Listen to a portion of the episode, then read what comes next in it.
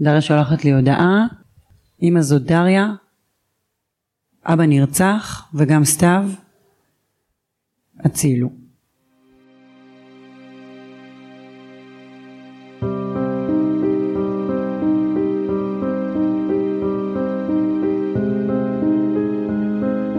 שש עשרים ותשע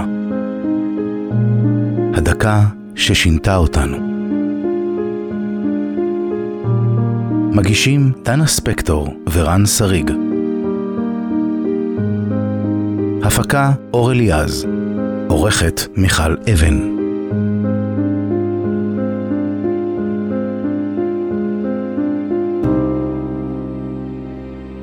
שמענו את רעות קרפ, בחרנו לפתוח איתה, כי רעות היא אישה, תכף תשמעו, גם אימא, בלתי נשכחת. והפרק הזה מכיל הקלטה, קיצור של שיחת טלפון, שנמשכה לייב שלוש שעות בזמן הטבח בקיבוץ רעים. אתם עומדים לשמוע תיעוד בלתי נתפס של אימא וילדה, מהילדה בתוך הממ"ד, בלב האימה. אנחנו כבר רוצים לשים טריגר. קשה לנשום. למי שהסרטים והסאונד וכל מה שקרה בימים האחרונים יותר מדי בשבילו, שימו גבול, אל תמשיכו. אם אתם איתנו, קודם כל נספר לכם איך פגשנו את רעות, רעות mm. המהממת מקיבוץ רעים.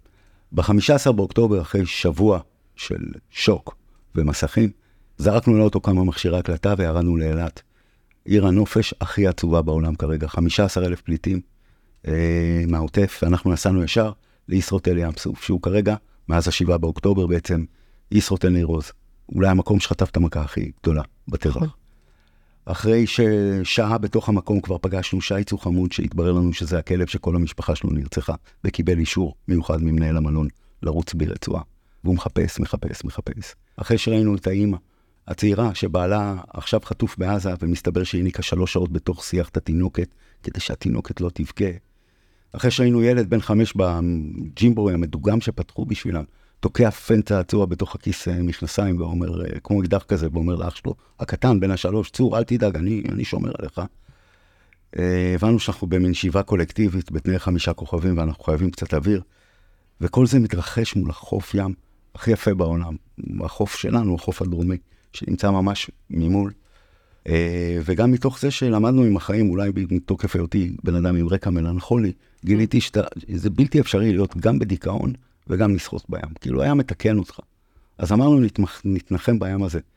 והלכנו, נכנסנו לים, והנה הפעם הזאת הים הרגיש כמו איזה מרק חם, מעצבן כזה, זה כמו כשאתה עושה מסאז' והוא מגרד לך ואתה רוצה לקום. אז יצאנו החוצה, אמרנו, נשטוף את זה, ניכנס למקלחת המתוקה, ונחזור לניר עוז העקורה, אין מה להילחם בעצב. ואז אנחנו שנינו בתוך הבגדי ים, שוטפים את עצמנו במים, ופתאום דפיקה בדלת של המקלחת, כזה מקלחת של מועדון צלילה. וכל נשי אומר, סליחה, אפשר להיכנס? הדלת נפתחת, ולמקלחת נכנסת ישר אימא יפייפייה, צעירה, קרן שמש כזאת מלאה אנרגיה, ומאחוריה נכנס ישר ילד גדול, יפה תואר, אבל גבוה, במין גיל כזה, שלא צריך לתווך לילד מקלחת. הוא בא לבד, הוא נכנס, מתקלח לבד, אבל לפני שאנחנו מבינים מה קורה, היא כבר אומרת לנו, זה לביא, הוא לביא על הרצף, ואז ישר מוסיפה, הוא ראה את אבא שלו נרצח לפני שבוע מול העיניים. והילד עומד שם, המים שוטפים אותו למעלה, בכלל כמו בועה נראה, והוא עונה לה ישר בכעס, לא נכון, לא ראיתי אותו נרצח, את לא היית שם. ואז היא עונה לו, נכון, לביא, באמת לא הייתי שם. ובאותו רגע אנחנו מסתכלים אחד על השנייה. ואנחנו יודעים שהאימא הנמרה הצעירה, היפהפייה הזאת, עם העיניים הירוקות, הצוחקות, האופטימיות, באישונים, זאת מישהי שאנחנו חייבים לדבר איתה. אפילו שהיא בסניף אחר של ישרוטל, כי היא מירי. ולא ידענו עד כמה. כמה מה שרעות עומדת לשתף אותנו בו, הסיפור שלה ושל דריה, הולך להיות הפרק הראשון שלנו ב-629, שלום דנה אספקטור. שלום רן פריים. איך את רוצה לקרוא לפרק הזה? שלוש שעות על הקו עם אנה פרנק, ללא ספק. אני אקרא לו הסיוט של כל אימא גרושה. טוב, שנינו צודקים למרבית הצער. אבל בואו, אה, בוא לפני שנתחיל, אולי נמקם את כל החלים על הלוח, כי כל פעם אנחנו צריכים להכיר משפחה חדשה וצריך להבין את כל בדיוק. הפלגים שלה, בואי נכון? תעשי סדר קצת. אני אנסה, לס... אני, כן, אני אנסה לעשות סדר, אבל בכל זאת אני אנסה. יאללה. בבוקר השבת השחורה, רעות קרפ אה, מקיבוץ רעים נמצאת בכלל ביהוד, בדירה של החברה הכי טובה שלה, רובי. היא והבעל שלה לשעבר, דביר קרפ, נמצאים בתהליכי גירושים טריים, והשבת זו השבת של דביר להיות עם שני הילדים הקטנים, דריה בת העשר, שהיא ילדה פייה כזאת, היא עדיין אוהבת דברים ילדותיים, היא אוהבת דובונים ולא טיק טוק. היא בת עשר כאמור, ולוי בן השמונה שנמצא על הספקטרום. הילדה הגדולה שלהם, ליה בת ה-13, לא נמצאת איתם, היא נמצאת במסיבת פיג'מות במושב עין הבשור. עכשיו, בשפה של גרושים רן, קוראים לזה השבת של אבא. מה שאומר שרעות פנויה לגמרי לעשות סוף שבוע בנות, פרוע וכיפי עם החברה שלה. יש על זה ויכוח. למה? כי, כי, כי זה השבת של אימא, זה השבת של אימא להתחרע נכון. עם חברה שלה רובי. שאגב, דביר אף פעם לא סבל אותה כשהם היו נשואים. החברה- הזאת שהבעלך לא אהב. כן. בדיוק. כן, ויש לה- ויש לזה משמעות לחגוג עם החברה שבעלך לא אהב. אה, בלילה של שישי הן יוצאות לבלות, ב-6.29 בבוקר של שבת, שתיהן כבר ערות, יורדות במעלית. רות מתעקשת לקום מוקדם כדי לדפוק ריצה של 20 קילומטר בנמל תל אביב. היא פריקית של כושר, מה שממש מסביר לך את הגוף האמזונה שלה. ורופי נגררת מאחוריה במעלית עם כוס קפה ביד ועיניים טרוטות. ובאותה השעה ממש דביר והחברה החדשה שלו, כי כבר יש לו חברה חדשה, סתיו קמחי, ישנים בקיבוץ, קיבוץ רעים, ביחד עם ילדים דריה ולוי. ואני חושבת, רן, שדביר מן הסתם ממש מאושר. הדירה הזאת חדשה, לקח לו מלא זמן להשיג אותה מהקיבוץ, הוא שיפץ אותה, הוא סידר אותה, בנה להם כל מיני דברים קטנים, מתוקים. שלילדים יהיה כן. והנה סוף סוף הילדים מסכימים להיות אצלו. אפילו דריה, שמאז הפרידה רוצה רק את אימא, היא צמודה אליה כמו קנגרו, כמו ילדים אחרי גירושים. זאת אחת השבתות הראשונות. היא סוף סוף אצל מסכימה לבוא לישון סוף סוף אצל יש אבוש. לרעות בדיוק. וויקנד חופשי. הדבר הזה שמתגרשים, פוטנציאל של אושר שלעולם לא יתגשם. שלעולם לא קורה. אה, ב-6.29 אזעקות ביהוד, בקיבוץ רעים, מטח של צבע אדום בכל הארץ, אה, רעות עוד טועה לנסוע בכל זאת לנמל, כי האוטו שלה חונה כמו שאנשים בעוטף חונה, עם הפגוש קדימה. היא תמיד מוכנה למנוסה. זה מה שאנשים בעוטף עושים. בכל זאת משהו גורם לה לעלות למעלה, לבדוק מה קורה עם הילדים. אולי זו אשמה הורית כזאת, משהו שיש לכל אמא גרושה כשהיא לא עם הילדים שלה, רני. והיא מתקשרת, ודביר אומר שהכל בסדר, ולי אומרת גם כן שהכל בסדר, ואז הכל משתנה. מתחילה החדירה של מחבלים, ורעות מקבלת את ה-SMS שמשנה את הכל. בואו נשמע. דריה שולחת לי הודעה, אמא זאת דריה, אבא נרצח, וגם סתיו, הצילו. ואז בעצם אני עומדת מול הטלפון, ואני לא מאמינה למה שאני קוראת, וברור לי שהילדה לא תכתוב סתם כזה דבר, ובטח לא מהטלפון של דביר. ואני ממש לא זוכרת אם אני התקשרתי אליה או שהיא התקשרה אליי, אבל uh, דיברנו. ואנחנו מתחילות לדבר, ואני מרגיעה אותה, ואני שואלת אותה רגע מה קרה. היא מספרת לי את כל הפרטים של מה שקרה. בעצם היא מספרת את הסיפור שלה, ששמעו רעשים בחוץ, הבינו שהמצב לא טוב, היא ראתה את אבא מתלחש עם סתיו, אה, ובאותו רגע הם כאילו החליטו שהם פותחים את הממ"ד ויוצאים לתקוף את המחבלים. מהיכרותי עם דביר, רצה לעשות הכל בשביל למנוע מהילדים לראות את הזוועה הזאת בעיניים, גם אם הוא לא ידע שהוא ירצ... שירצחו אותו. בעצם לא לראות את הקרב הזה, שזה לא יצרב להם בתודעה. אה, זה, זה, זה היה דביר. והוא בעצם פותח את הממ"ד, יוצא עם גרזן, פוגע באחד המחבלים, המחבל יורה לו בבטן, צרורות, את זה עוד לא ידעתי, גם את זה הוצאתי מ- מהילדים אחר כך. אה, סתיו מתנפלת עליו והוא הורג גם ואז בעצם נכנסים שני המחבלים, רואים את דריה יושבת אה, מקופלת ומכווצת מתחת לשמיכה, ומורידים לה את השמיכה ומסתכלים עליה בעיניים. היא אומרת, אני חושבת שהם פשוט ראו שאני ממש מפחדת, והם עזבו אותי. ואז הם uh, מחזירים את השמיכה, כותבים על הקיר עם הליפסטיק של סתיו בערבית, אל-קסאם, לא רוצחים ילדים קטנים, שאת זה אני באותו רגע לא יודעת, אני בעצם יודעת שהם כתבו משהו בערבית, ויוצאים. זאת אומרת, אני גם לא יודעת מה קורה עם לביא, לביא קפוא. דריה בת עשר, לביא בן שמונה וחצי, על הרצף. אה, מה שבעצם קרה ללביא שהוא קפא על המיטה, אני כל כולי מרוכזת עכשיו בדריה, שבעצם יודעת מה קרה, והיא איתי על הקו. ומרגע זה והלאה, דריה איתה על הקו. כשאנחנו אומרים שהיא איתה על הקו, זה אומר שדריה, אחרי שהמחבלים אה, נתנו בה מבט ואיכשהו ריחמו עליה במרכאות והשאירו אותה ואת לביא בחיים, אז אה, היא נמצאת אה, ליד הגופות של סתיו ואבא בממ"ד בקיבוץ רעים, ואילו אימא, רעות, נמצאת בדירה המגניבה השיקית האורבנית של אה, החברה שלה רובי, באיזשהו חדר, וכל אותו זמן היא מחוברת למטען ומדברת עם הילדה שלה, כמו, אני לא יודעת, כמו איזה יועצת תמיכה על הקו, לא מרפה, והחברה שלה כל הזמן מסדרת לה את המטען, מביאה לה כרית. נפתח היא לא חמ"ל. משה, נפתח הח- החברה הגרושה של הפאן הופכת להיות החברה מביאה לה המטפלת, פירות, מביאה לה פירות. ומתחילות לתפעל את זה, שעות. אימא יושבת ומדברת עם הילדה שלה. הרגע הזה שהחמאס מרים את השמיכה, זאת הילדה שהחמאס הסתכל לה בעיניים. וכשהקלטנו את הפרק, דריה הפריעה לנו קצת בערב, כמו כל ילדה בת עשר. והילדה שהחמאס הסתכל לה בעיניים והחליט בסוף אה, ללכת, ביקשה שאימא שלה תשכיב אותה. שתשכיב אותה לישון, ואיך אתה משכיב לישון ילד? שבוע אחרי, שמונה ימים אחרי? עם איזה סיפור? מה מנחם? זה מה שחשבתי במהלך. ה- הזאת. המפלצת הטובה טרוף. כל הזמן על הרגע הזה, כן. אלה, מה אתה, איזה מפלצת אתה יכול לספר לילד שאתה מחביא בארון? היא ראתה את הרוע בעיניים. היא הסתכלה על הרוע בעיניים. שום דבר כבר אי אפשר לספר על הילדה הזאת.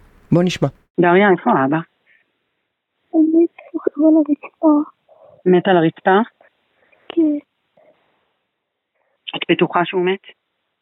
כן, הוא שוכב על הרצפה. הוא לא זז? אני לא פוחדת. הוא לידך? הוא לידך דריה? אני לא יודעת. לא לדבר, לא לדבר, לא לדבר. איך הם נכנסו עם הנעל? איך הם נכנסו עם הנעל? לא הבנתי איך הם נכנסו. דריה, אתם ניהלתם את הבית? כן, אבל הם פרצו פנימה. מאיפה הם פרצו? מהחלון? לא יודעת. טוב, ששש, אני איתך. אמא, אני פוחדת. דריה, אני פה, לא לדבר, לא לדבר. מתכווץ קטן קטן, אל תדברי. את בממ"ד? כן, או לביא לא בממ"ד? הוא כן במובן. אבל הבעיה היא שהוא במיטה ואני למטה, כאילו. יש את המיטה של אבא. לא לדבר, אל אל תדברי, אל תדברי, בבקשה אל תדברי, טוב ממי? אני פה, אני איתך, טוב, אני כל הזמן איתך. בסדר? איפה את תראה, אני פה. ואז אני מבינה שזה מתארך ומתארך ומתארך, ואני מבינה. שיכול מאוד להיות מצב שזאת פעם אחרונה שאני מדברת עם הילדה שלי. אני מקליטה את השיחה איתה, לא בשביל שזה ישמש עדות לשום דבר, אלא פשוט שיהיה לי את דריה שלי. זה, זה מהמקום הזה, אני רוצה לשמוע את הילדה הקטנה שלי. דריה, אני פה, הכל בסדר. תחזרי היום. מה? תחזרי היום. אני אחזור הכי מהר שאני יכולה, מסתובבים מחבלים בחוץ, אי אפשר, לי- אי אפשר להגיע.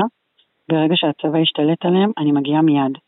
אל תדאגי, סבתא בבית, סבתא בקיבוץ, עוד מעט הכל יירגע, ואז יוכלו להגיע אליכם, בסדר? כן. מנסים להגיע אליכם, בסדר? לנשום כל הזמן לנשום. תחזיקי יד ללוי, בסדר? הוא לא, הוא לא איתי במיטה. אבל אתם באותו חדר? כן. אוקיי. אמרתי לו להיות בשקט. לנשום. לנשום דלי, הכל בסדר. הכל בסדר. אתה רצית לקרוא לפרק הזה סיוטה של כל אמא גרושה. נכון. לסיוט של כל אמא גרושה, כי באמת יש לנו בהתחלה, כשהגירושים נורא טריים, חשש כזה שהצד השני לא מטפל מספיק טוב בילד. בטח אם יש לו בן זוג חדש, חברה חדשה. נכון. אז כאילו, האם uh, שמו לה מעיל, האם האכילו אותה מספיק טוב, האם נחמדים אליה, יכול להיות שמתנשקים בחדר הסמוך ולא שמים לב אליה, ובטח ילדה כל כך רגישה כמו דריה.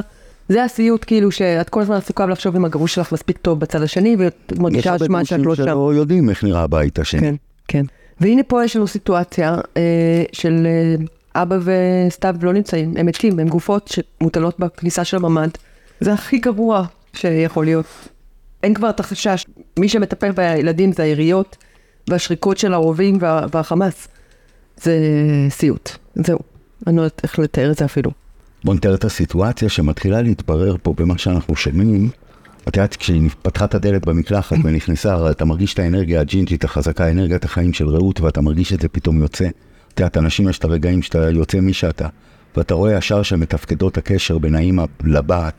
ואני מזכיר שהילדה בת עשר, דריה, ואחיה בן השמונה, על הרצף, שותק וחופן את ראשו בתוך המיטה, ודריה פותחת חמ"ל יחד עם אמא שלו. היא לבד על הסיטואציה. שתיהן לבד. דריה, הגיע מישהו? לא, אמא, אבל מי יטפל בנו רק את? מה יפה? עכשיו רק אנחנו אצלך. עכשיו מה? עכשיו אנחנו רק אצלך. מה זאת אומרת? בבית, רק אצלך. היא רק אצלך בבית. כן, מאמי. מוחלת. פוחדת? רואים אותי טיפה, מה מאמי? רואים אותי טיפה מהסליחה כבר חש- חשפו אותי, התכווצתי ורעדתי, אז הם שחררו אותי ושמו עליי עוד פעם שמיכה. הם שחררו אותך ושמו עלייך עוד פעם שמיכה? כן, המחבלים? כן. לא. אמא. אמא. אמא. מאמי, אני פה. מתי הצבא מגיע? מה מאמי? מתי הצבא מגיע? אל תדאגי.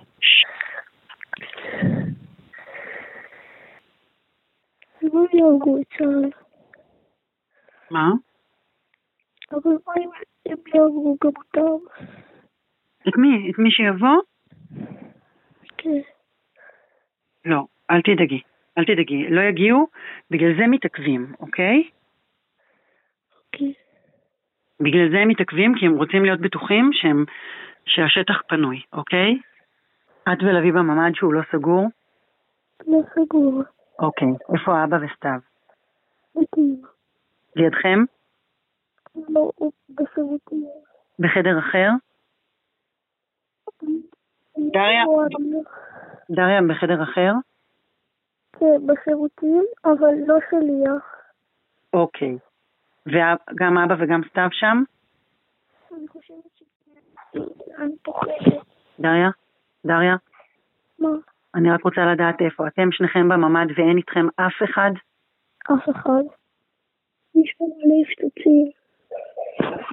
יש פה מישהו, אני מפחדת. דריה, הכל בסדר, אני פה.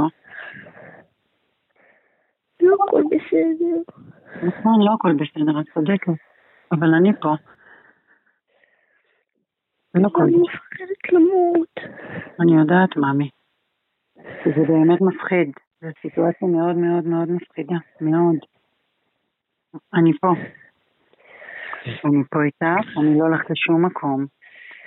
מתי הם הגיעו לאמא? אני עוד פעם מתקשרת אליהם. יש הרבה יריות.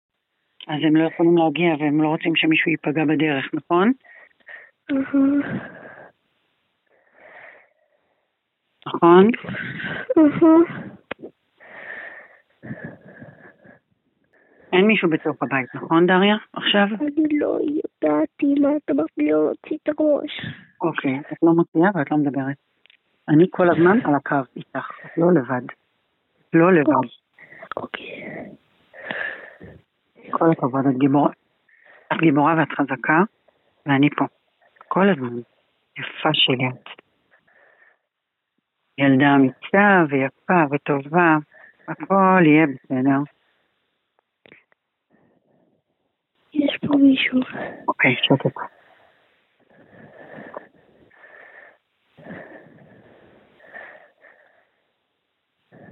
את לא מדברת.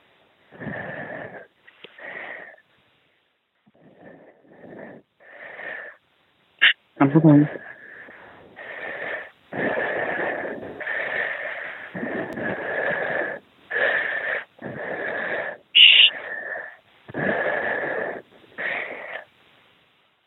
דריה זה מישהו שמדבר או לא מדבר? אמא שקט. מה? לא פוחדת. ששש, אני פה, אני פה. גם מתקשרת. מה? היא התקשרה. מי? ליה? את לא עונה לה. את לא עונה לה כי היא לא יודעת מה קרה לאבא. את לא עונה לה, בסדר?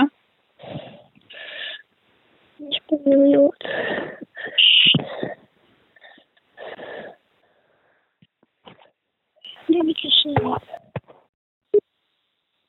לא לענות. דריה?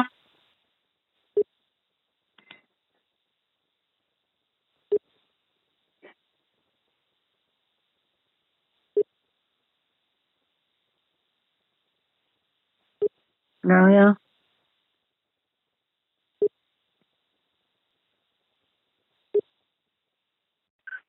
דריה.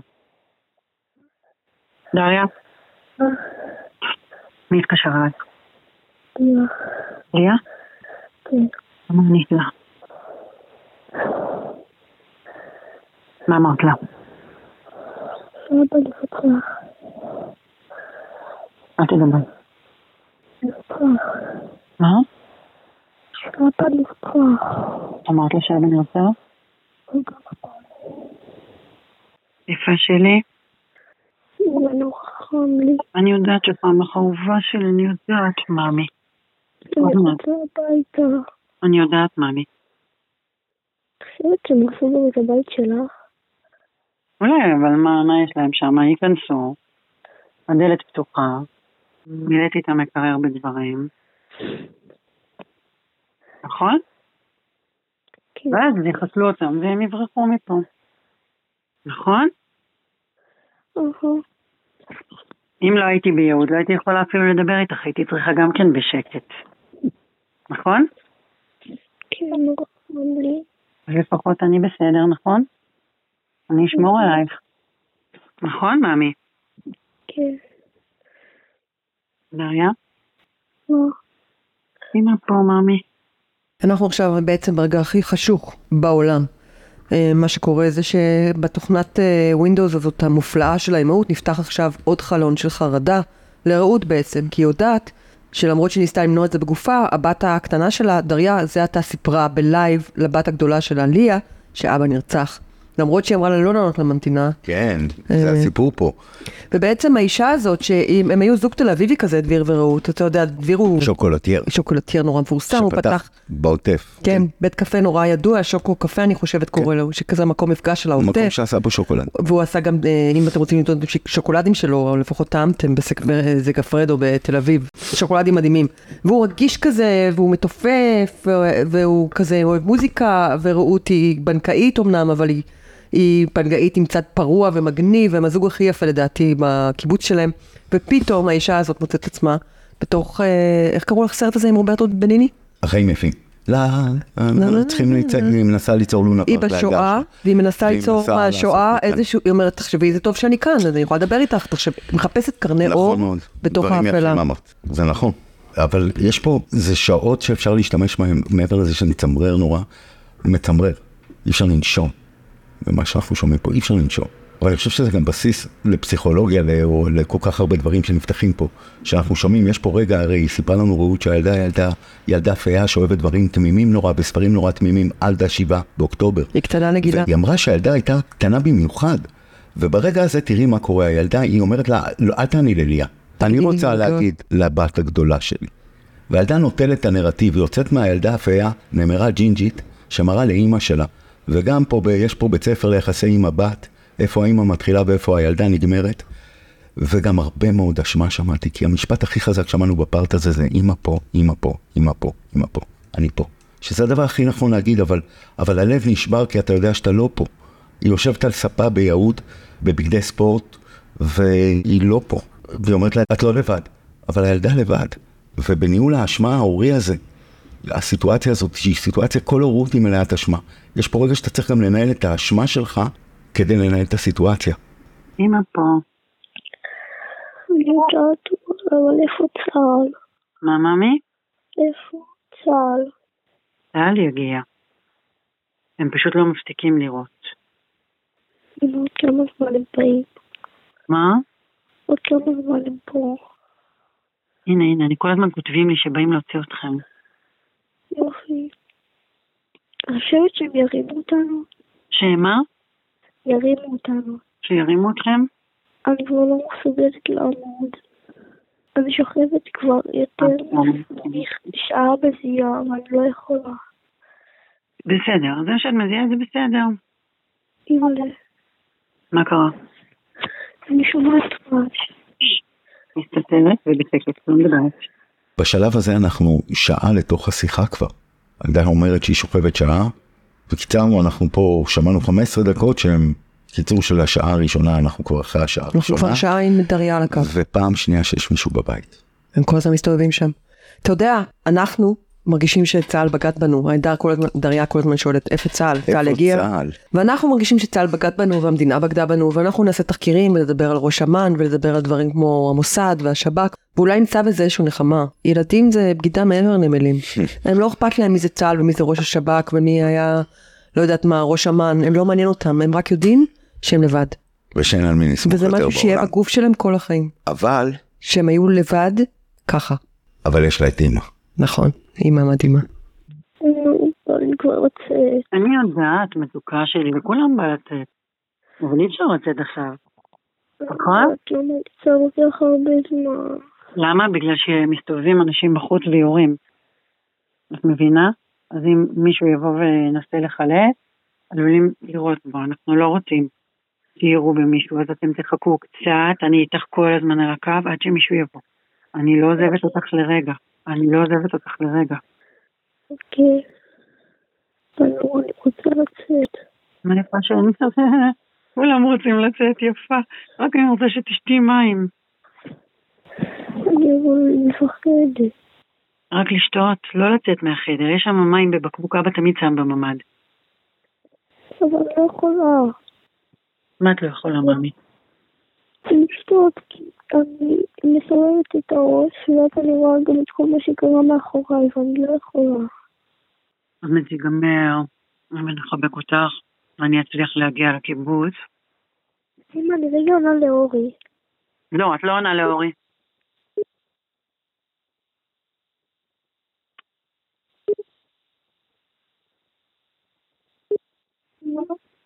דריה? אמרתי לאורי שאבא מת וגם נפטר, נכון. ואיפה הצבא עם מתי אני כבר לא יכולה יותר. דריה? עד שלא נכנס מישהו שהם מתחפשים גם לחיילים. המחבלים. מה? החיילים, אוקיי. המחבלים הם גם, הם גם מגיעים, הם מחופשים לחיילים, אוקיי. אוקיי? אתם יכולים לקחת אותנו? לא, אני אומרת, אף אחד לא נוגע בך עד שאת לא שומעת מישהו שמדבר איתך בעברית. אוקיי. את איתי, את לא זזה. את לא זזה לשום מקום. אוקיי. מה? מה, מאמי? ואם יש מחבל שיודע עברית? מה? ואם יש מחבל שיודע עברית?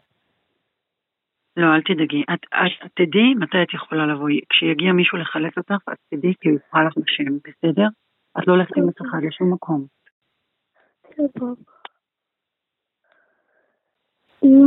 מה? יפה שלי? למה את אבא ואת סתיו הם הרגו שהם ראו אותי ולא הרגו? בגלל שאת ילדה, ואת פעייה, ואת מתוקה, ואת לא עשית להם שום דבר, וגם אבא לא עשה שום דבר, אבל אולי בגלל שהוא כן. הוא קפץ עליהם בשביל שהם לא יעשו לי כלום. הוא הגן עלייך, כן, גם סתיו. הם הגנו עלייך. הם הגנו עליי ועל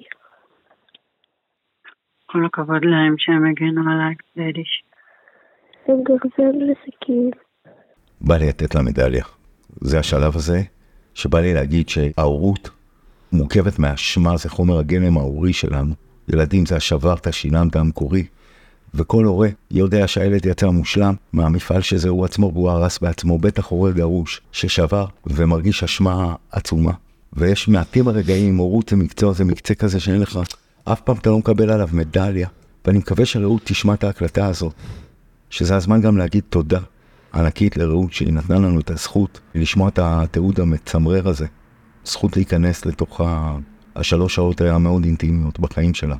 רעות אהובה, אני רוצה להגיד לך שאם יש לך אי פעם ספק שאת אימא לא טובה מספיק כי שכחת להביא את הילדה עם חולצה לבנה לטקס בבית ספר, קיבלת מדליה, את האימא הכי טובה בעולם, זה כבר, זה כבר ברור. דריה דיברה איתי במשך זמן די ממושך, ואז פתאום התנתקה השיחה. אחרי שהיא אמרה לי שיש אנשים בבית. אני חשבתי שאני לא יודעת מה קורה לי באותו רגע. וככה זה נשמע. למה זה גדול? התנתק, יואו. מה? מה, מה? הם מגיעים? מה יפה שלי? מתי מגיעים? אם אני כבר לא יכולה יותר. אני יודעת, אבל זה הזמן לסבלנות, את יודעת, דדי? לפחות יש לך מים בממ"ד. אני יודעת. וגם לביא איתך, את לא לבד. נכון? את יכולה להגיע למים? כן, אבל הדלת פתוחה. תנסי. אני לא יכולה, ואז אני מסתכלת על הגופות ועל מה ש... אל תסתכלי על הגופות, אבל אל תסתכלי.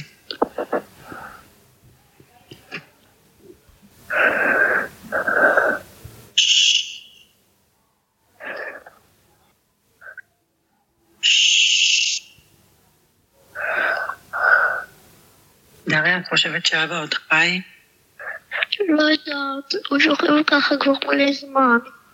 מלא זמן באותה הדרך, הוא שוכב מלא זמן אותו דבר? כן.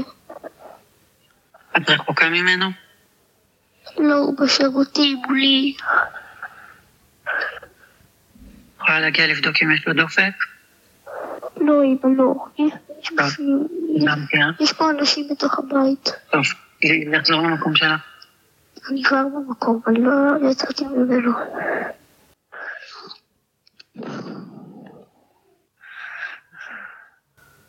אני פה,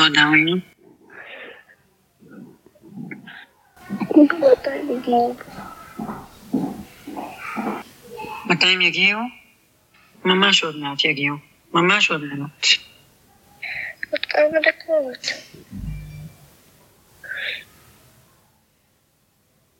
אני לא יודעת להגיד לך, אני לא רוצה להגיד סתם. בזמן שאני מדברת עם דריה, אני מפעילה בעצם, אה, אנשים מתקשרים אליי וחברה שלי עוזרת להם, אה, לענות להם כי אני בעצם ממתינה ואני לא יכולה לדבר עם אף אחד. היא ביפן לדעתי. סבתא ביפן? אימא של דביר נמצאת ביפן באותה עת והיא לא יודעת שום דבר ואני מנסה לדאוג שלא יגיע אליה כל האינפורמציה הזאת לפני שאנחנו מספרים לה את זה. אז את, את איתה בשיחה ותוך כדי גם כן. מפעילה את הוואטסאפ. כן. כל כן, הזמן. כל הזמן. אני על ספיקר, אני בקבוצה של הקיבוץ, אני על אימא שלי שאני לא יודעת מה קורה איתה, אני על אחותי שאני לא יודעת מה קורה. כאילו ידעתי שאני multitasking אבל לא עד כדי כך. כל הזמן שאלתי אותה אם יש לה בטריה, והיא אמרה לי כן, כמה אחוז? כמה אחוזים? כל הזמן שואלת אותה, והיא מסתכלת. את יודעת, ראיתי את ההודעה שלה, אבא נרצח, בלי שום שגיאת כתיב, נכון. כלום, שום שגיאת כתיב, ואז נקודה, גם סתם. רוצה הביתה. מה, מאמי שלי? רוצה הביתה. אני יודעת, מאמי שלי יפה, אני יודעת, אני יודעת. כמה מחבלים יש? לא יודעים. אני נורא מפחדת. כמה מחבלים. דידי, הצבא מנסה להשתלט עליהם ואז להגיע אליכם, אוקיי? רק אלינו?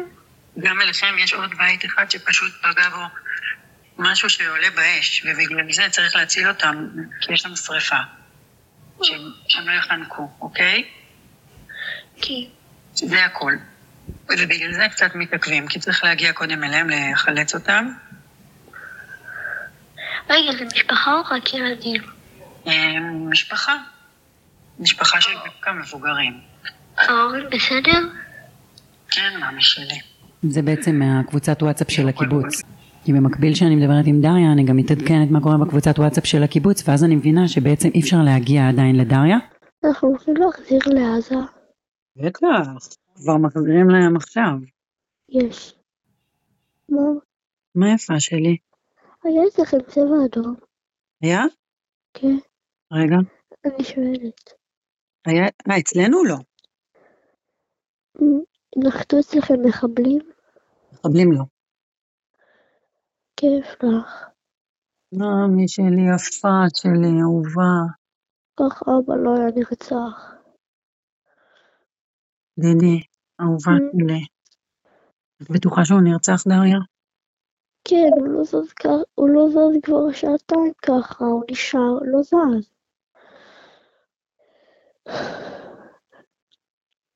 הכל בגלל עזה. נכון.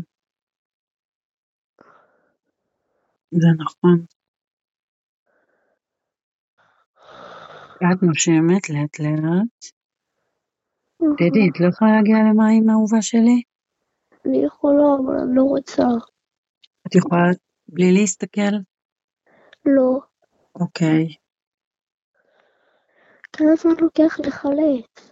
נכון, לוקח הרבה מאוד זמן, את צודקת, את יודעת שאת לא היחידה שאומרת את זה, אבל הם, הם, לאט לאט הם אה, מנסים להגיע. הם מנסים להגיע בצורה בטיחותית בשביל שלא עוד מישהו ימות, אוקיי? בדרך. אז רק סתיו ואבא נרצחו בקיבוץ? עוד לא יודעים. אני נורא פוחדת. אני יודעת, מאמי. אני יודעת שאת נורא פוחדת, אני יודעת. וזה מאוד מאוד טבעי שאת פוחדת. גם אם אני הייתי שם הייתי פוחדת. גם אנשים מבוגרים מפחדים, את יודעת? מה? כן. אבל אני לא עוזבת אותך לרגע, אני איתך כל הזמן, נכון? דוד עדיין ישן? הוא סוג של... יופי. טוב לנו שהוא ישן. אם הוא מתעורר שהוא לא עושה בלאגן, רק שהוא לא ייראה, ואז אנחנו נהיה בבעיה. נכון? כולם כותבים איפה הצבא, איפה הצבא. אני מבינה שזה לא סתם שהצבא לא מגיע, זאת אומרת, יש הסבר לזה. ואני אבין אותו אחר כך, זה לא הזמן. מה שחשוב עכשיו זה לשמור על הילדה ושהיא תהיה רגועה. אני פה. אני יודעת, אני ידעתי שלא הייתי צריכה לבוא לישון פה. לא, זה לא נכון. למה אתה לא עושה איתנו הסכם שלום?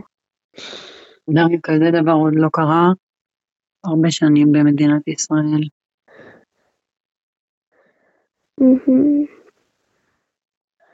חייב להיות איתנו. אנחנו נגיע אליכם. אני לא רוצה עוד פעם לאבד מישהו, במיוחד לא אותך. לא תאבדי אותי, ממי. אבל רגע, אמא. עכשיו את לא תוכלי לנסוע כי תצטרכי להישאר איתנו. יפה שלי את. את יפה שלי. אל תדאגי. אוקיי. תגידי לנשום יפה שלי, עוד מעט יגיעו להוציא אותך. את תבאת לביא? כן, בטח שאותך בעת לוי מהשירות או לבד. אה. אבל אני לא יכולה לעבור שם. את לא, אל תדאגי, את תעצמי עיניים כשאת תעברי שם. ואיך אני אראה על מה אני הולכת? אני לא לדרוך על דם. אל תדאגי, ירימו אותך. אוקיי. ומה אם יהיה עוד מחבל? מה? בבית שלך הם גם מסתובבים? אה, יכול להיות שכן. אוקיי. אמא, מה? בשבילים יש גופות? אני לא יודעת. אף אחד לא יודע מה יש בחוץ, דרי, כי כולם, כולם פשוט סגורים בתוך הבתים. אהה. מבינה? כולם כן. סגורים בתוך הבתים ומחכים פשוט שהצבא יבוא וישתלט עליהם. את חזקה כזאת, איזה ילדה את, מהממת. פשוט את אלופה. את יודעת? אני אחזור, אני אתן לך חיבוק גדול, גדול, גדול. נכון? נכון, דדי? את מרגישה שיש מישהו בבית או לא? לא. יופי, טוב מאוד. תקחי לך מים בזהירות בלי להסתכל. לא. אני רוצה שתשתי קצת, דריה. אבל אני לא רוצה. אני רוצה להגיד שיושבים פה דנה ואני ואנחנו הורים, וכל מי שמקשיב לפה יקשיב לך. בישראל ילדים זה דת, כולם עושים ילדים. נדיר שהם ילדים, לכל אחד יש ילדים. אתם חוויתם את הגיהנום, האור- את הפחד האורי הכי גדול שיש. ולשמוע אותך מתפעל את הדבר הזה. קודם כל הערצה. הערצה, תקשיבי הערצה. כי כל הורה מפחד שהוא יגיע לרגע הזה. אין הורה שלא מפחד שיגיע לרגע. תראו, כש, כשגרים בעוטף עזה, מדברים כל הזמן על חוסן, ואני חושבת, בי, הדיבורים על חוסן, הם באמת, באמת באו לידי ביטוי ברגע הזה. בזוגיות של דביר ושלי, תמיד אמרנו שדביר הוא היה יותר האימא ואני יותר האבא. כאילו אני יוצאת לתל אביב ל- לפרנס אה, כאילו ב- ב- מהבנק ולא רואה כמעט את הילדים, ודביר כאילו עובד יותר בעבודה, עושה שוקולד עם הילדים. כן, אני חושב שכל מי כן. ששמע אותך הבין את זה. שאת את שר החוץ והוא דווקא שר החוץ. כן. ופתאום אני חושבת שמשהו קרה בפרידה, הרגשתי שהילדים ממש זקוקים לי, ורק לפני ארבעה חודשים אה, עזבתי את הבנק. הבנתי שכשחשבתי שאני החרדתית, גיליתי באיזשהו שלב שבאמת דביר מאוד מאוד מאוד מפחד, והוא לא יכול להיות הפחדן, כי הוא הגבר. כאילו, יש פה איזה משהו ש... שזה היה חזק ממנו. והוא מאוד פחד, ואז הבנו שהוא מפחד ולמה הוא נלחץ ולמה הוא... את יודעת, אנשים כשהם בלחץ כהורים, אז יש כאלה שהם מבינים את זה, ואומרים, רגע, הילד עכשיו מסתכל עליי, אני לא יכול לשדר לו פחד כי הוא יפחד. המון אמהות באזור שלנו הם כאלה. הם רק שומעים שיש משהו, כבר איזה אימא כותבת בקבוצה, ארזתם כבר מזוודה? כאילו, בסדר, היה צבע אדום אחד, את היא לא ארזה. כבר מזוודה. את לא כזאת. הייתי כזאת. אמא יש צבע אדום אצלנו. צבע אדום? כן. לא להיות, לא להיות מול הדלת, בבקשה, לזוז מהדלת. לזוז לא- מהדלת. אנחנו לא מול הדלת. תהיי בפנים שאת יכולה, דריה. למה? כי אם חס וחלילה פוגע טיל בבית, הממ"ד צריך להיות סגור ואת לא סגרת אותו. למה? מה זה יכול לעשות? אני כדור. מה את? את כדור? את כדור, את כדור מהמם. את ילדה יפה, את ילדה יפה וחזקה. נכון? עוד מעט הם יגיעו, מאמי, עוד מעט הם יגיעו. מה? מי מדבר איתך? לביא. אוקיי. תדברו, תדברו, מאמי, תדברו. הקטע הזה שהיא אומרת, הקול שלה השתנה כשהם... מי דיבר איתך? וממש פעם ראשונה שמעתי על רעות, שהיא באמת, אה, היא החירות מבחינתי, היא אישה שצריך לבנות לה אנדרטה. היא הדבר הכי אמיץ והכי גיבור והכי חזק. פעם ראשונה שאני שומעת את הפחד שלה, כי אני מבינה שהיא מפחדת. הרגע הזה של, של המחבל מדבר עם הילדה, שהיא מפחדת שעומד מול המחבל ומדבר איתה. ואז היא נרגעת, כאילו. פתאום הפחד הזה שהיא דיברה עליו, שיש אצל לפעמים אמהות בקיבוץ, והיה אצל דביר, שבכלל היה תל אביבי. הוא לא בן קיבוץ כמוהו, ירן נולדה ברעים, היא יל- רעות מרעים. כמו איזה סיפור של אה, תמר, אה, לגמרי. של קופיקו, רעות מרעים. אז היא הייתה בת קיבוץ, היא הייתה קשוחה, אבל הוא היה פחדן, ו- וזה הרגע היחידי שבו שמעתי סוף סוף בקול של רעות אה, פחד. וחוץ מזה, לבכות. אני תוהה איך אימהות מקשיבות ל- לבכות. למה שאנחנו שומעים פה. ויש תחרות גדולה פה מי הגיבורה של הפרק, ברור שזה הגיבורה הנוספת, זה הקשר הסימביוטי כמעט בין האמא בת, זה עוד גיבורה בפרק. ויש הבלחות, אני לא יכול, שמענו קטע ארוך אה, שקיצרנו, זו הקלטה של שלוש שעות, השיחה ביניהם נמשכת שלוש שעות. כמו שאמרת, חברה כל הזמן מביאה לה כבלים להטעין, כי היא מפעילה גם חמ"ל וואטסאפים. ומים, וצלחת פירות וכדור. ומסנן, מנסה לסנן מהילדה את מה שכבר אי אפשר לסנן, ואנחנו מרגישים לאורך ההקלטה כיצד התודעה של הילדה בת העשר מתחילה לקלוט טוב מאוד, יותר טוב ממה שהממשלה קולטת באותן שעות, מה קורה אצלה בקיבוץ. היא שואלת, השבילים, הילדה מתבגרת בעשר שנים, כמו שכולנו מתבגרים בדקות האלה, אולי באלף שנה, אבל עדיין יש לה הבלחות ילדותיות קטנות כאלה. למה אנחנו לא עושים איתם הסכם שלום? כן. מחזירים לעזה? יש. אני כמו כדור. ובעודה זה היא גם מתפעלת ילד אוטיסטי, היא באמת, באמת, באמת לבד גיבורה בסיטואציה הזאת. הוא לא מדבר לבי. ולא יראה את סתיו ואת אבא עוד שנתי אף פעם יותר. תראה את אבא ואת סתיו, ותראה אותם. אני לא. שנתי היה בתוך הבית?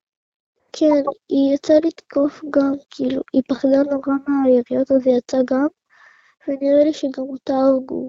למה אבא יצא החוצה? הוא יצא עם סכין וסתם עם גרזן בשביל להרוג אותם. הוא יצא מהבית? לא, לא מהבית, מהחדר, כאילו מהממ"ד. הייתם בממ"ד ושמעתם מחבלים בתוך הבית? כן, ואז אבא יצא? יצאו, ואז ניסו להרוג אותם. עוד מעט מגיעים להציל אותך, דריה. אוקיי, אני נורא פוחדת. עוד מעט לווים בדרך. מה מאמי? כן, אמרת ללוי. בדרך לוקח קצת זמן, כי אמרתי לך, יש בית. כן, אני יודעת, דיברתי עם לוי. יופי, יופי, תגידי לו. כי יש שם אנשים שהם פשוט סגורים. לוי, הבית בדרך. את רוצה שאני אדבר עם לוי? אל תדאג. מה? את רוצה שאני אדבר עם לוי, מאמי? לא, אני דיברתי איתו. אבל אני גם יכולה לדבר איתו. את רוצה לשים? לא. לוי, אל תדאג. מה אמא? אל תדאגו. הצבא כבר הגיע וכבר מתחילים אה, להגיע לכיוון שלכם, אוקיי? לכיוון. דריה, אתם לא פותחים לאף אחד עד שלא פונים אליכם בעברית. לביא, עד שאף אחד לא פונה אלינו בעברית, אתה לא מדבר איתם, אתה לא מדבר. אם מישהו פונה אליך בעברית, אתה כן מדבר, אוקיי? יופי דריה, את אמיצה, את ילדה אמיצה ואלופה. את פשוט ילדה אמיצה. אמא, מה, מאמי שלי? אבל מה אם אה, מחבל למד עברית, לא- אז הוא ידבר איתנו בעברית? תגידו לו שאתם אה, רוצים שלום. טוב? כן. עדיף שלא ידבר איתכם אף אחד, עדיף שאתם תסתתרו בשקט. גדי? מה? תדברי איתי. מה אמרו? אני נורא פוחדת, הם בכיוון, הם לכיוון שלנו. מה? הם חילצו את הזה, מי שהיה בשרפה וזה. הם עכשיו מחלצים את מי שבשריפה. כן, הם יגיעו אליכם. לביא שקט. מזל שעד עכשיו הוא ישן. לביא תחזור לישון. את יודעת, יש איזה... ראיתי מלא נשים בפייסבוק משתפות איזה סוג של איור כזה של האימא. של אימא לילד, יש מפלצת, שאימא שומרת את המפלצת שהילד לא יראה את המפלצת. ומלא אימהות הזדהו עם הדבר הזה. ואני אתמול ראיתי אותך עם דריה, ואת מדברת איתה, את אמרת לה, אה, הנה דנה ברן, והם באו לדבר, לספר על מה שקרה. את אומרת לה, איך אבא מת מולך, או נרצח, את מדברת את זה. אמרתי לה איך הוא הגן עליי. או איך הוא הגן עלייך, את, את, את, את לא מחביאה את המפלצת. אני חושבת אבל דרך אגב, שזה בדיוק העניין שדביר לא ידע לעשות. אני כל הזמן הרגשתי שהוא כאילו אוגר את כל הדבר הזה, הוא מחזיק את השד, ומתפרץ ומוציא כאילו על הילדים. לא, את יודעת, אבל אני לא שופטת אותו על זה, חלילה שזה לא יתפרש, כן? כי אין מישהו שבמצב כזה של לחץ לא ישר מוציא את זה באיזשהו אופן. אה, אני החריגה, לא הוא. אני מודעת לזה. כואבת לי ברגל. הרגל? כן. אבל זה באותו מקום שכאב לך אתמול? איזה רגל כואבת, ימין או שמאל? אני לא יודעת איזה ימין ואיזה שמאל. עם איזה יד את- כותבת? ימין נראה לי. נכון, אז עם ימין. דריה? מה? יד ימין זה היד שאת כותבת בה. אז גם רגל ימין זה הצד הזה. אבל נכון יש את היד, ואז יש את האלכסון, את הרגל האלכסונית. הרגל האלכסונית? אין רגל אלכסונית, מאמי. מרחוק. רגע, דריה, שנייה, וכתבתי לה. לא, והיא כותבת לי, אין לי איך לעזור. אני באמת מתנצלת. אני כותבת להם לבד, חייבים להגיע להם שני פצועים, שני זה, כנראה. פרמדיקים. מה דדי, מה אמרת, מאמי? נכון יש את היד כן, ואת הרגל, כן. אז ביד ימין לא כואב, כאילו, ביד ימין, הרגל שמתחתיה זה ימין, נכון. אז לא, שמאל כואבת לי. השמאל כואבת לך. רגל שמאל? איפה? אה, בחלק של הרגל. של האצבעות למטה או של, ה... או של הברך? זה נמשך שלוש שעות. את זוכרת רגע מסוים מה, מה, מהשיחה הזאת? כן, אה, איזה? את הרגע שאני אשמיע עכשיו. תשמעי. מה שקורה, אני, אני אקדים פשוט, מה שקורה זה ש... אחרי שקורה כל הסיפור הזה ושלוש שעות הם איתי על הקו והצבא לא מגיע והכיתת כוננות לא מגיעה כי בעצם יש מקרים יותר דחופים של בתים שנשרפים. המחבלים שפכו דלק והדליקו בתים. ואנשים פשוט צוע... צועקים בקבוצה של הוואטסאפ סוג של הצילו כזה. אני מבינה שדריה במצוקה אה, האינטואיציה שלי אמרה לי שאני חייבת לפנות לעזרה, ואני לא יכולה לכתוב רק למישהו אחד שאני צריכה עזרה. אני צריכה בעצם להפיץ את הסיפור הזה. כלומר, שכל הקיבוץ עכשיו ידע שיש פה עניין, ועכשיו, דחוף, מישהו חייב להגיע אלינו הביתה, לבית של דביר, בשביל לחלץ את הילדים. אני מכירה גם את האנשים, אני יודעת למי לפנות, אני מדברת עם ראש צחי, צחי זה צוות חירום יישובי, שהוא חבר מאוד טוב, והוא אדם שלרגע לא נלחץ, גם במצבים הכי הכי הכי מלחיצים, הוא תמיד זמין לי, עונה לי ברוגע. זה מה שאני צריכה וזה מה שאני מקבלת. ואין פעם שהוא לא עונה. ברגע ש... קוראים לו אילן כהן, ואין אנשים כמוהו.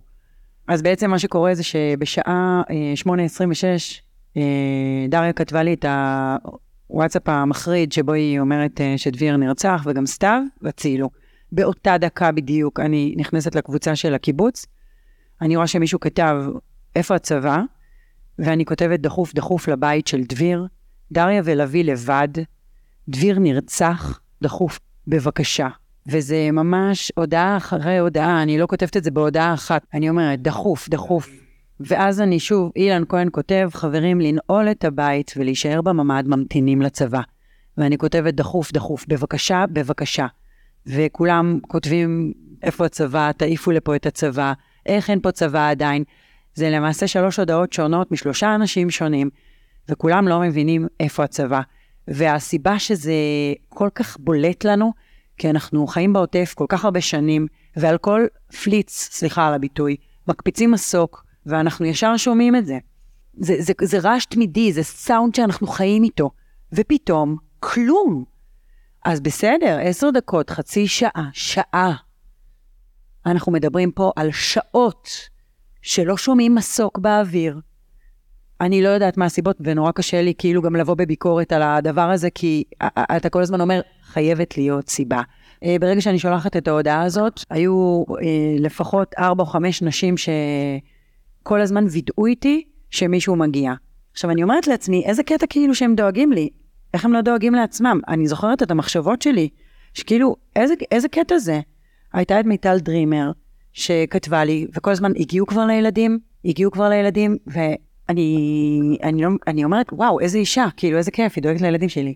ויש עוד כמה אנשים בקיבוץ ש... מה עם הילדים של... ואנשים כותבים בקבוצה, מה עם הילדים של רעות? מישהו כבר הגיע לילדים, ואת צופית, שהיא אשתו של גולן, שהם כמו משפחה, כאילו בשבילי כל השנים כמו משפחה. הם גרים בסוף השכונה שדביר גר בה, יש להם שלושה ילדים גדולים. אה, הבת הכי קטנה, הצעירה שלהם, אה, היא בכיתה י"ב. במקרה היא לא הייתה בבית. זאת אומרת שהם לבד. הם לבד. בבית. והיא שולחת את בעלה, שולחת שהיא את בעלה. מסתתרת בעליית הגג. צופית כל הזמן כותבת לי בהודעות, מה עם הילדים? היא בעצם רוצה לדעת מה, מה המצב, מה קורה. בשעה שמונה וחמישים היא כותבת לי, מה קורה איתכם? את לבד? אני כותבת לה, אני ביהוד, דריה ולוי לבד, דביר וחברה שלו נרצחו, דריה איתי על הקו, אני מרגיעה אותה. כל משפט, אני כאילו, אני אומרת, אני לא בן אדם כזה שכותב ככה, בדרך כלל אני כותבת טקסט אחד, אבל אני מבינה שאני חייבת לשגר, כאילו, אני חייבת ללחוץ, ללחוץ, ללחוץ, שהיא תדע כל פעם את הפרטים, ואם, כאילו, אם כל ההודעה שלי לא תגיע, לפחות יגיע משהו. והיא כותבת לי באותה, באותו הזמן, שברגע שטיפה יירגע ויפסיקו להיות יריות ומחבלים בחוץ, היא תבקש שיביאו את הילדים אליה, או שהיא תרוץ אליהם, ואני אומרת לה, את לא זזה. אחרי בערך שעה היא כותבת לי, יש חדש עם הילדים, ואני אומרת, איזה כיף, לא שוכחים אותי. צופית עוד חושבת עליי. ואני כותבת לה, אף אחד לא יוצא. היא כותבת לי, המצב לא טוב, שלוש נקודות. אני כותבת לה, שומעת מדריה. ואחרי שעה, עוד פעם, כבר הגיעו לילדים, בשעה 11 ו-9 דקות. אני כותבת לה, לא. היא כותבת לי, דברי עם אילן, אילן כהן, שהזכרנו אותו קודם, הבנתי שהגיעו חיילים ב-11 ו-12 דקות. אני כותבת לה, דיברתי, אין לו מספיק כוחות. היא כותבת לי, עשר דקות אחר כך גולן קיבל אקדח בדרך אליהם. אני רוצה לדבר שנייה על הסלקציה ההורית הזאת, שהיא סולידריות משוגעת בתנאי אה, שואה, שבה בקצה הרחוב נמצאת אה, רעייתו של גולן ספטון עם האקדח, ומבינה שמצבה במדור של הגיהנום יש היררכיות. ואם יש לך ילדים בני 18, אה, והם אולי בחלק השני של הקיבוץ, ויכול להיות שחטפו אותם והלב שלך פורח, אבל אה, אתה, אתה, מצבך יותר טוב מאשר, אה, אה, מאשר רעות. רעות היא שנמצאת ב, ושני, עם שני ילדים לבד, כשילדה בת עשר מתפעלת את זה. ואז צריכה לעשות את ההחלטה הזאת, ובעצם להשאיר את עצמך לבד, ולהגיד לבעלך, צא תציל את הילדים הקטנים. קח את האקדח. קח את האקדח, וזה סולידריות משוגעת. אני אשאר פה בלי הגנה, ואתה תיקח את האקדח שלך ותלך להגן על הילדים של האישה הזאת שאני אוהבת. ופתאום ברגעים האלה, וזה גם נורא כאב לי שהיא דיברה על דביר ועל, אה, ועל סתיו, חברה שלו, כי אין לי ספק שכשהם היו פרודים טריים, כמעט גרושים, אז היה המון טינה, כי תמיד יש טינה שמתגרשים, גם כשמתגרשים בטוב, יש המון טינה, ויש לו חברה חדשה, ואת חושדת בה, אולי לא יודעת לדבר עם ילדים כמו שצריך, אולי היא מהמעצבנות האלה ששרות שירים של גלי עטרי, אין לי מושג. את חושדת בחברה חדשה, ועכשיו כשהיא מדברת עליהם, כאילו האסון האיר את היופי והחמלה בה ובהם, והיא מדברת עליהם כמו על גיבורים, ובאמת גיבורים, כי האישה הזאת הגנה. הגנה בגוף. על הילדים שלו על שלה. הילדים כן. שלה. כן, והאישה השנייה שלחה את הבעל שלה עם האקדח, והגבר שלה היה כל כך אמיץ. הגרוש שלה, הוא היה כל כך, כל כך, כל כך. הוא ניסה להציר, להסתיר את המפלט. כולם התבהרו, זה כמו איזה, כן. זה כמו איזה תמונת לקמוס כזה. זה נייר לקמוס, שפתאום כולם מתבהרים ואתה מגלה רגע פלאש, רגע פלאש, שכולם, כאילו, שאתה רואה את האור של כולם. כן, כולם מצטלמים. גולן הולך עליהם. יופי. אה. רגע, רגע, רגע. גולן זה של צופית. רגע, רגע, רגע, שנייה, הוא קיבל אקדח. יש מישהו בדרך לילדים. יופי. יופי. דריה? דריה? עכשיו מגיע, עכשיו מגיע אליכם גולן, את מכירה את גולן של צופית? הוא מגיע אליכם עכשיו, אוקיי? כן. גידי? עכשיו הוא יגיע אליכם, את איתי על הקו כל הזמן, אני לא מנתקת. אוקיי, אמא, אבל אני לא- לא יכולה להסתכל אפילו, אני לא יכולה לפתוח. את לא מסתכלת, את עוצמת עיניים, אני אגיד לו, את אומרת לו שירים אותך על הידיים. אוקיי, אבל מה עם הדברים שלי? אני רוצה לקחת את הטלפון של אבא, כן, את הטלפון שלי, כן. את הסקושי ואת הסמיסי, וזהו. סקוושי ושמחי עם, עם סמיכי עם גולן. הכל, הכל את עושה עם גולן. אוקיי. גולן עכשיו יש לו אקדח והוא שומר עליכם, אוקיי? הוא ייקח אותך, הוא יחבק אותך. מה? ומה אם בטעות יראו בי במקום בו? לא, לא, לא, לא, לא יורים באף אחד. דריה. הוא הוא שומר. הוא הולך מאוד מאוד מאוד בזהירות, אוקיי. אוקיי? תמשיכי עמוק. הוא בדרך אליכם, יכול להיות אפילו שהוא יישאר איתכם והוא לא יצא. הוא ישמור עליכם בתוך הבית. אני טוב. את לא פוחדת עכשיו, אל תדאגי, הוא יבוא. כי הוא יבוא והוא שומר עליכם עם האקדח. רגע, גולן. דדי, את שם? כן. כן, אמא. יופי יפה שלי, את אלופה. מתי הוא מגיע? ממש עכשיו, הוא קיבל, בדרך. הוא קיבל. נצ'ק והוא מגיע. הם גרים קרוב אליכם אפילו, אוקיי? אוקיי. הוא יבוא, הוא יגן עליכם, בדיוק, הוא יבוא והוא יגן, הוא יישאר פה? כן, הוא כן, יהיה איתכם, הוא לא יהיה יעזוב איתכם, הוא לא יעזוב אתכם, הוא מגן עליכם. היא כותבת לי, יש מספר בית, אוי, מספר לבית, שיט, אני לא זוכרת מה המספר של הבית. אה, מול איפה? יש, יש, יש אה, לוטוס ענק. אני אשלח לה תמונה, פרח. למה זה עובר לי? דדי, מה? בסדר? צמוד הבית של... אה, הוא הגיע עכשיו, דריה? הוא הגיע. הוא הגיע, חכי, הוא ינסה להיכנס. לא, הם הרי הדלת נעולה. הם פרצו מאיפשהו. דריוש? מה? מה? היא שואלת אם אתם בממ"ד. אתם בממ"ד? כן. את שומעת שמישהו נכנס לבית? סוג של שומעים מין רם כזה. הוא מצא את הבית והוא כבר נכנס. אוקיי. גולן מנסה להיכנס. רגע. דריה, מה? את יכולה לפתוח את הדלת?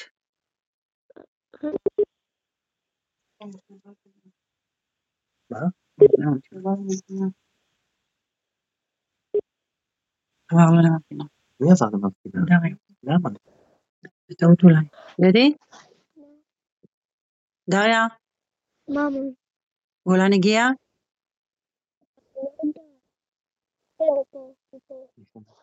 דדיש?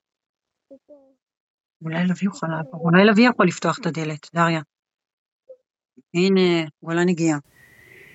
היא מסמנת לי לייק כזה, וכותבת לי בשעה 11:31 את ההודעה הבאה, גולן איתם. דנה, את זוכרת שאלנו את אה, רעות, מה הרגע שהיא בוחרת, שהיא הכי זוכרת מכל ההקלטה? זוכרת? והיא אמרה שהיא תענה לנו? יאללה, בוא נשמע. נפתח חלון הברזל של הממ"ד, ולוי אחרי 13 שעות אה, בעצם רואה חוץ, ומבין שבאו לחלץ אותם.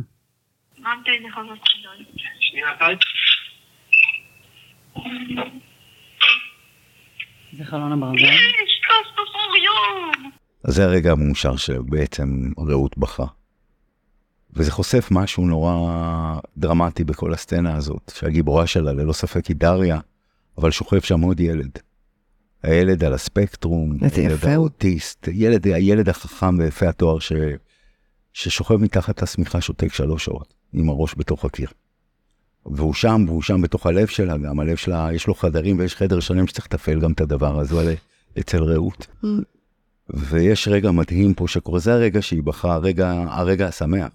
הרגע שנפתח, שגולן מגיע ונפתח חלון הממ"ד ושומעים את לביא פעם ראשונה.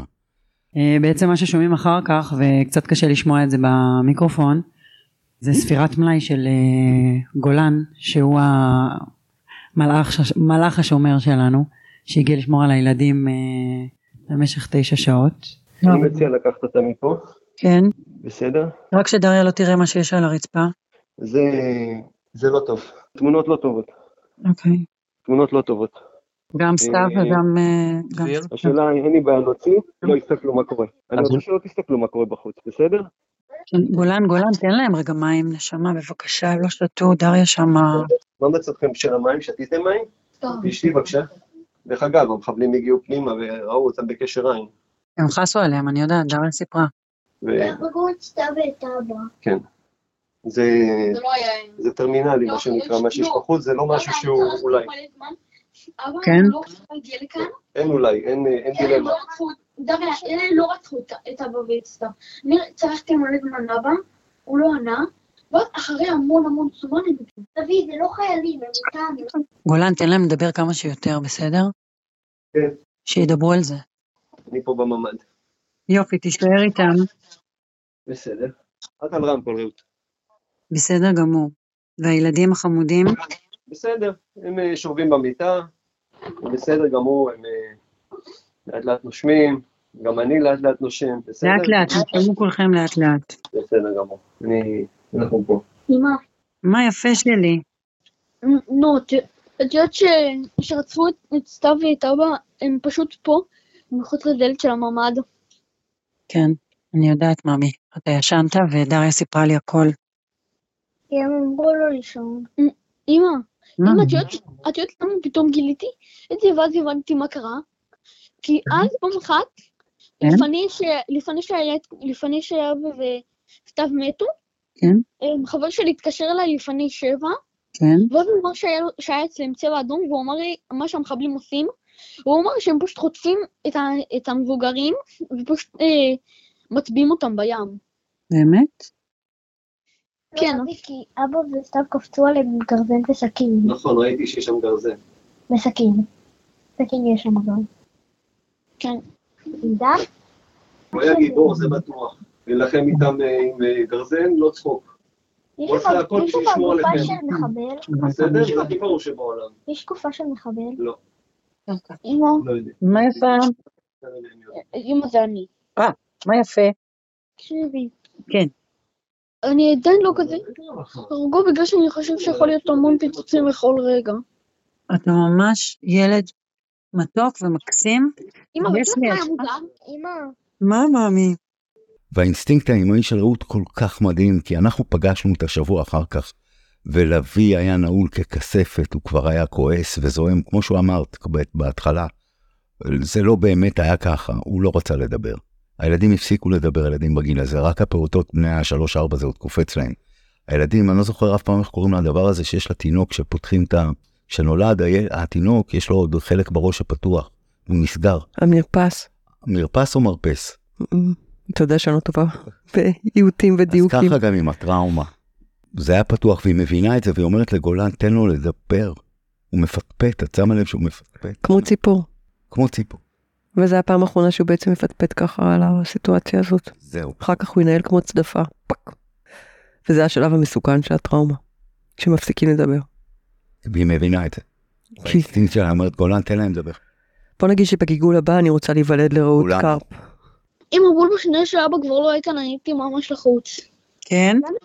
ועכשיו שגולן שם אתה יותר רגוע? בהרבה, וגם שהפסיקו הפיצוצים. יופי. בשלב הזה רעות אה, עוצרת את ההשמעה של הוואטסאפים והקלטות, ואנחנו קצת מקשקשים, כי בדיוק דריה הגיעה והתיישבה עליה, ולא היה זמן לדבר על הטראומה.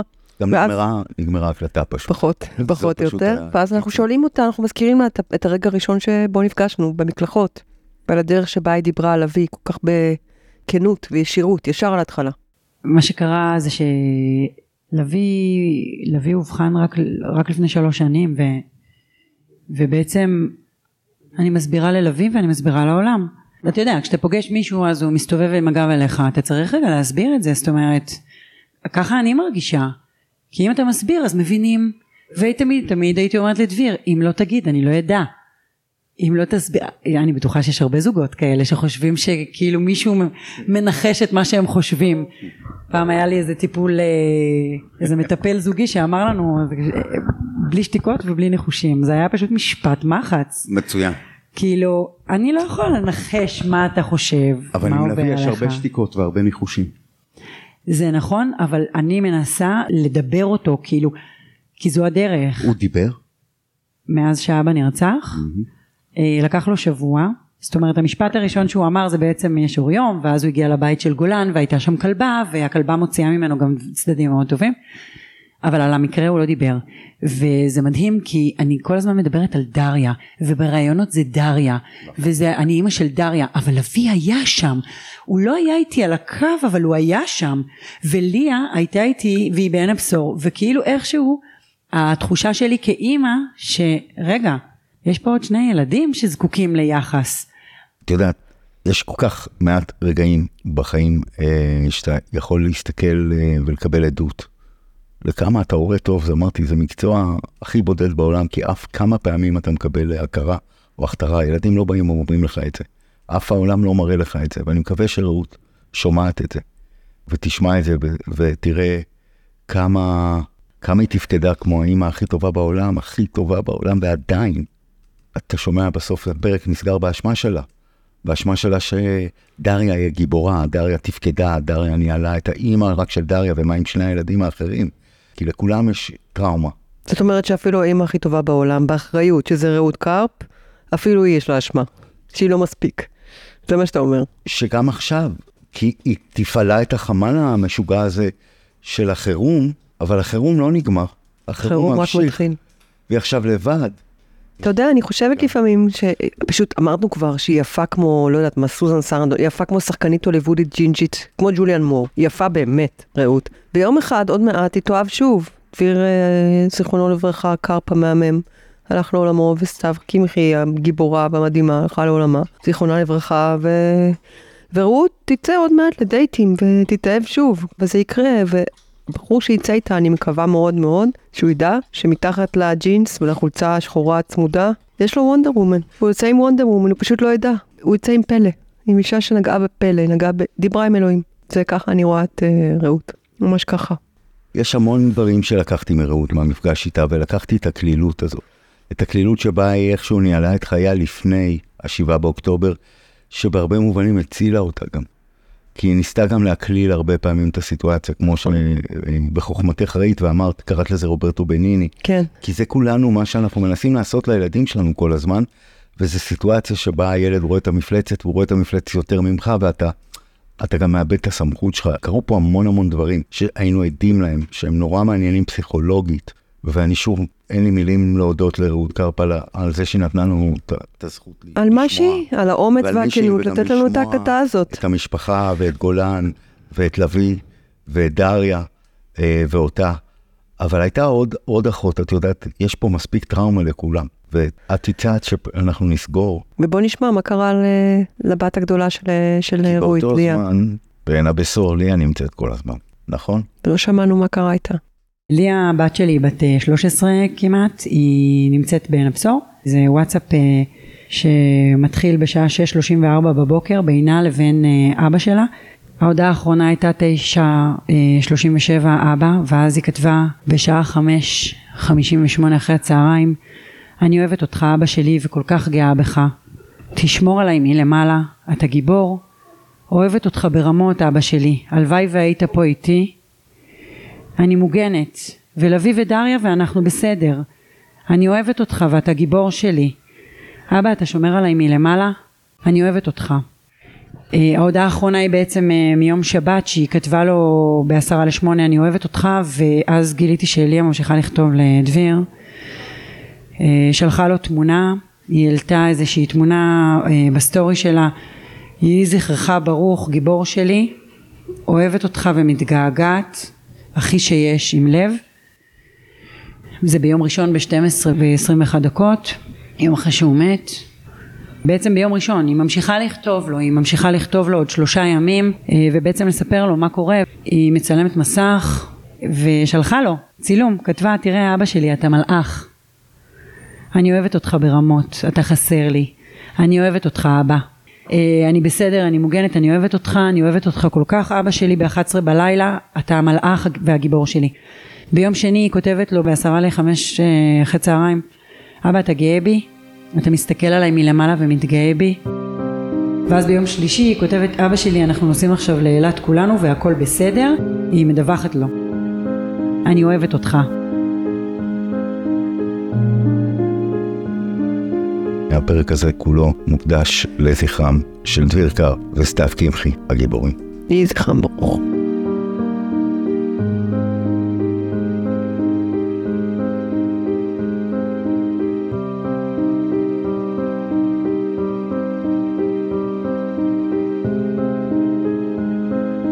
שש עשרים ותשע הדקה ששינתה אותנו מגישים דנה ספקטור ורן שריג. הפקה אור אליעז. עורכת מיכל אבן